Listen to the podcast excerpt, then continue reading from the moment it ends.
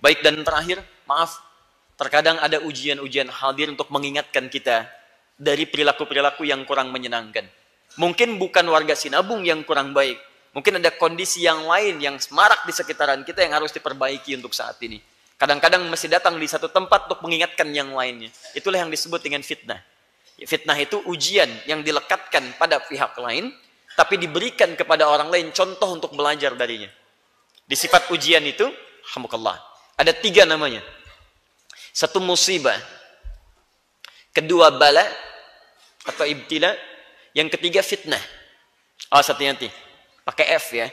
Katanya orang Sunda nggak bisa nyebut F ya. Itu fitnah. Baik. F. Ah, teman-teman, musibah satu, kedua bala, yang ketiga fitnah. Kalau disebutkan musibah itu nama umumnya. Semua yang kita alami bisa terlihat baik, bisa terlihat kurang menyenangkan. Lihat bahasa saya ya. Bisa terlihat baik, bisa terlihat kurang menyenangkan. Semua yang datang dari Allah tidak ada yang buruk, semuanya baik. Cuman kadang-kadang cara pandang kita bisa berbeda menyikapinya. Apa yang kita sukai kita anggap baik, apa yang kurang kita sukai kita anggap kurang baik. Padahal belum tentu bagi Anda tidak baik, mungkin bagi orang lain baik. Ayo teman-teman yang warga Bekasi, kalau diberikan hujan deras, teman-teman senang atau gelisah? Oh senang, Masya Allah. Anda senang. Tuh yang dekat kali, banjir. Kan? Jadi kadang-kadang cara pandang tuh bisa berbeda. Tapi ketika Allah turunkan jadi banjir, bukan airnya yang salah. Barangkali ada pelajaran besar di situ. Mungkin ada sesuatu yang tersumbat, sesuatu yang harus diperbaiki. Begitu cara berpikirnya. Sehingga kalau energi positif kita dihadirkan dalam kehidupan, tenanglah kehidupan kita dalam menjalani episode lembaran kehidupan kita. Paham sampai sini? Baik. Nah, musibah itu segala hal yang kita alami. Jadi bisa terlihat baik, Anda dapat promosi jabatan, itu musibah. Makanya dulu khalifah kelima, ini gelar dari para ulama, khalifah kelima, Umar bin Abdul Aziz, ketika dilantik jadi khalifah, presiden kalau sekarang, dan kekuasaannya lebih luas luar biasa, bentangannya jauh. Banyak beberapa wilayah dilewati, benua-benua dilewati. Apa yang terjadi? Kalimatnya bukan Alhamdulillah. Inna lillahi wa inna ilaihi raji'un. Karena memang kalimat standar ketika dapat musibah, kalimatnya innalillah. Quran surah kedua Al-Baqarah ayat 156. Paling kiri sebelah atas. Alladzina idza asabathum musibah qalu inna lillahi wa inna ilaihi raji'un. Jadi orang-orang yang diuji oleh Allah, musibah dari kata asaba yusibu, segala yang dialami. Anda kaya, itu ujian bagi Anda. Bagaimana kekayaan itu bisa digunakan untuk mendekat kepada Allah, bukan untuk dibanggakan. Kalau cuma dibanggakan, Anda telat, sudah ada korun. Makanya ketika korun membanggakan diri dengan harta, ditegur oleh Allah. Turun Quran surah ke-28 ayat 77. Paling kiri sebelah bawah. Ya, lihat wabtaghi fima daral akhirah. Korun saya titipkan harta pada kamu bukan untuk sombong, tapi dengan harta ini cari peluang untuk mendekat kepada nilai akhiratmu. Cari tempat terbaik di akhiratmu. Cari surgamu dengan harta itu. Katanya mau Firdaus. Tuh contoh orang Firdaus. Bagaimana harta digunakan untuk mendekat kepada Firdausnya. Kamu nggak usah sombong. Dan korun itu luar biasa. Bodyguardnya banyak. Kunci hartanya banyak. Maaf, berankasnya juga tak terhitung. Kuncinya nggak sanggup dipikul bodyguardnya. Dia sombong. Ditegur oleh Allah. Antum kaya nggak seperti korun. Berankas berapa yang antum punya? Bodyguard antum jangankan jagain harta, jagain antum aja telat. Ya, ikut. Jangan-jangan bodyguard juga nggak punya. Harta nggak berlimpah seperti korun. Dan Anda pengen ikutan sombong. Keterlaluan. Jadi telat. Ya. Nah sekarang kembalikan. Jadi kalau Anda merasa kaya, atau Anda diangkat dengan kedudukan itu ujian bagi Anda. Bukan untuk diperdebatkan, dan bukan untuk dipertontonkan. Tapi bagaimana itu jadi tuntunan, bukan tontonan dalam kehidupan. Itu poinnya. Jelas ya? Nah sama dengan yang terlihat kurang menyenangkan pun. Sakit misalnya. Sesuatu yang menyenangkan atau menggelisahkan? Halo? Siapa yang kalau sakit senang boleh angkat tangan? Hampir tidak ada. Biasanya orang sakit itu gelisah dan sakit pun musibah. Ingat, yang terlihat tidak menyenangkan, musibah. Yang terlihat menyenangkan, itu musibah. Bukankah dengan sakit bisa menghadirkan ampunan Allah? Coba cek, bukankah ketika sakit Anda dipaksa untuk menyebut nama Allah? Yang dulunya jarang istighfar, tiba-tiba istighfar. Astagfirullah, ya Allah. Belum sembuh juga. Astagfirullah. Waktu sehat ke mana aja kamu? Bukankah dalam sakit Anda berzikir? Nah kalimat itu yang menggugurkan dosa. Jadi kalau sampai sakit belum bisa menyebut nama Allah, Anda perlu dikasih apa lagi supaya nyebut Allah? Jelas ya? Di dalam suasana yang tidak menyenangkan, bagi kita itu musibah, menyenangkan pun disebut dengan musibah. Nah, kenapa orang cenderung mengaitkan kalimat musibah dengan konteks yang kurang menyenangkan? Karena umumnya orang lebih cepat ingat kepada Allah jika diberikan musibah dengan yang kurang menyenangkan. Kalau dikasih yang menyenangkan, jarang ingat sama Allah. Tapi kalau dikasih dengan yang kurang menyenangkan, cepat ingatnya. Gajian meningkat, jarang ingat.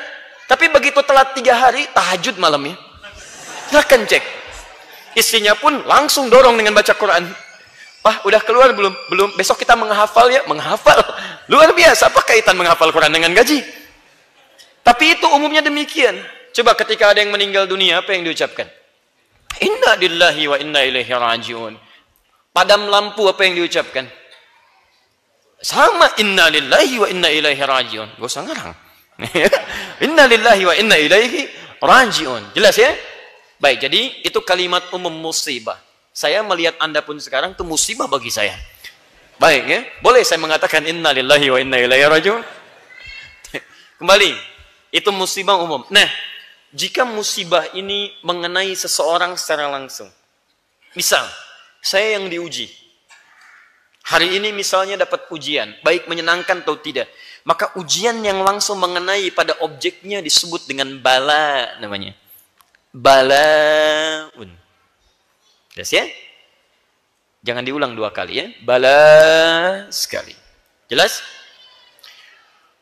Kalau ujiannya tidak biasa. Di atas rata-rata. Misal, ujian dalam bisnis hanya diganggu, ada ancaman, tapi ini di atas rata-rata sampai dilemparkan ke laut ditelan ikan paus. Jelas? Di atas rata-rata. Ada yang ujiannya diuji dengan anak, kadang sulit diatur, diarahkan. Ini standar. Maaf, ada yang bahkan baru lahiran harus kemudian dipisahkan dari orang tuanya setelah tumbuh agak dewasa disembeli. Harus disembeli. Ini di luar kebiasaan. Maka berubah kalimatnya dari bala jadi ibtala. Masya Allah. Kelihatan? Itu ujian buat Anda. Bala namanya.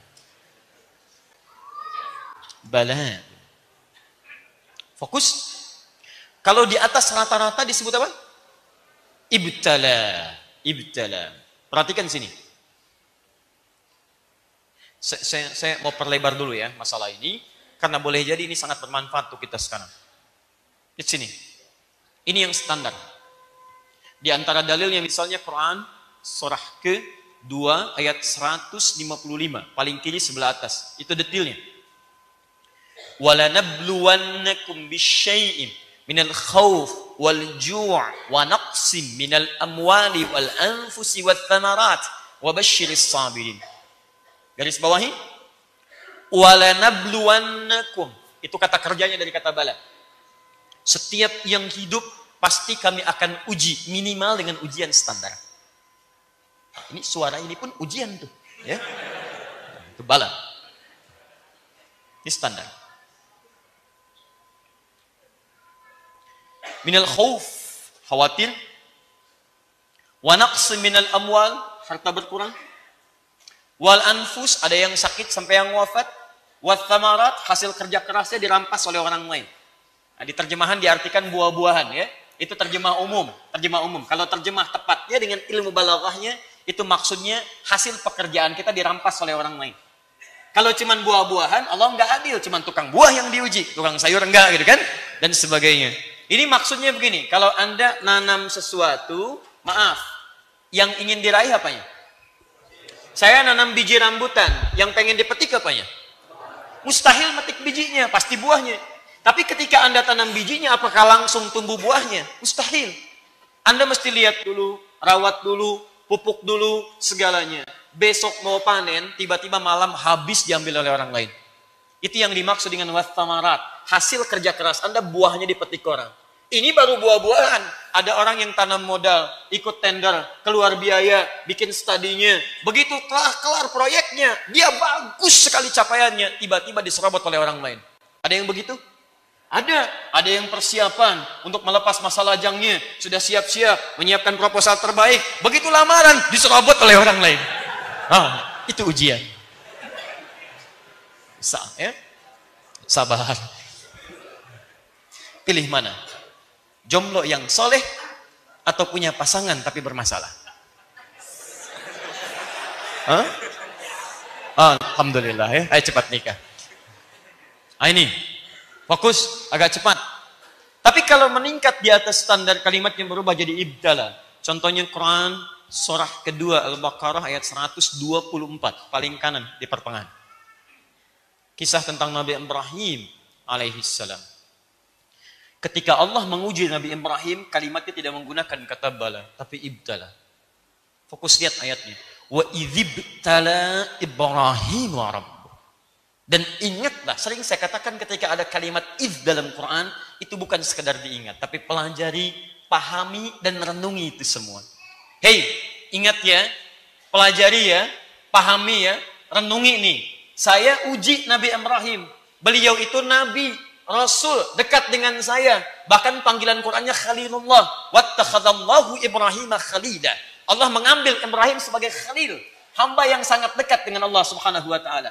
Abul Anbiya, bapak para nabi, banyak dipuji di Quran. Apakah itu semua status ini menghentikan beliau mendapatkan ujian? Tidak. Tapi diuji lebih dahsyat dibandingkan dengan hamba biasa. Pertanyaannya, apakah Nabi Ibrahim mengeluh? Tidak. Maaf, ketika berdakwah dicela tidak mengeluh. Diusir dari kampung tidak mengeluh. Dibakar tidak mengeluh. Dipasangkan dengan pasangan belum ada keturunan tidak mengeluh yang hebat punya keturunan dipisahkan. Bapak dan anak tidak mengeluh. Ketika anaknya mulai agak dewasa, mesti disembeli. Tidak mengeluh. Persoalannya kata Al-Quran, jika Nabi, Rasul punya ujian begitu besar, tidak mengeluh, dan tetap terjamin surga dengan segala ujian ini, maka kenapa anda, hei yang bukan Nabi? Rasul juga bukan. Surga belum jelas jaminannya. Ujian tidak sedahsyat para Nabi dulu. Kenapa anda mengeluh? Maka dari itu ketika diturunkan kisah para Nabi ini, dan kisah-kisah Nabi dan orang soleh dahulu ketika disebut di Quran, itu bukan kisah yang kemudian kita dendangkan dan kita sampaikan untuk didengar. Bukan, itu bukan dongeng. Tapi hebatnya, semua kisah itu ditampilkan untuk memberi pesan. Semua persoalan ini akan terjadi di masa depan dengan keadaan yang berbeda. Contoh, orang dulu pernah sakit, orang sekarang ada yang sakit. Perhatikan, Nabi Ayub itu pernah diuji dengan penyakit yang sangat dahsyat. Bukan bala, tapi ibtila. Bahasa isyarat Qurannya, sulit dialami oleh orang sebelumnya, jarang dirasakan oleh orang setelahnya. Langka penyakitnya. Puluhan tahun. Apakah mengeluh? Tidak.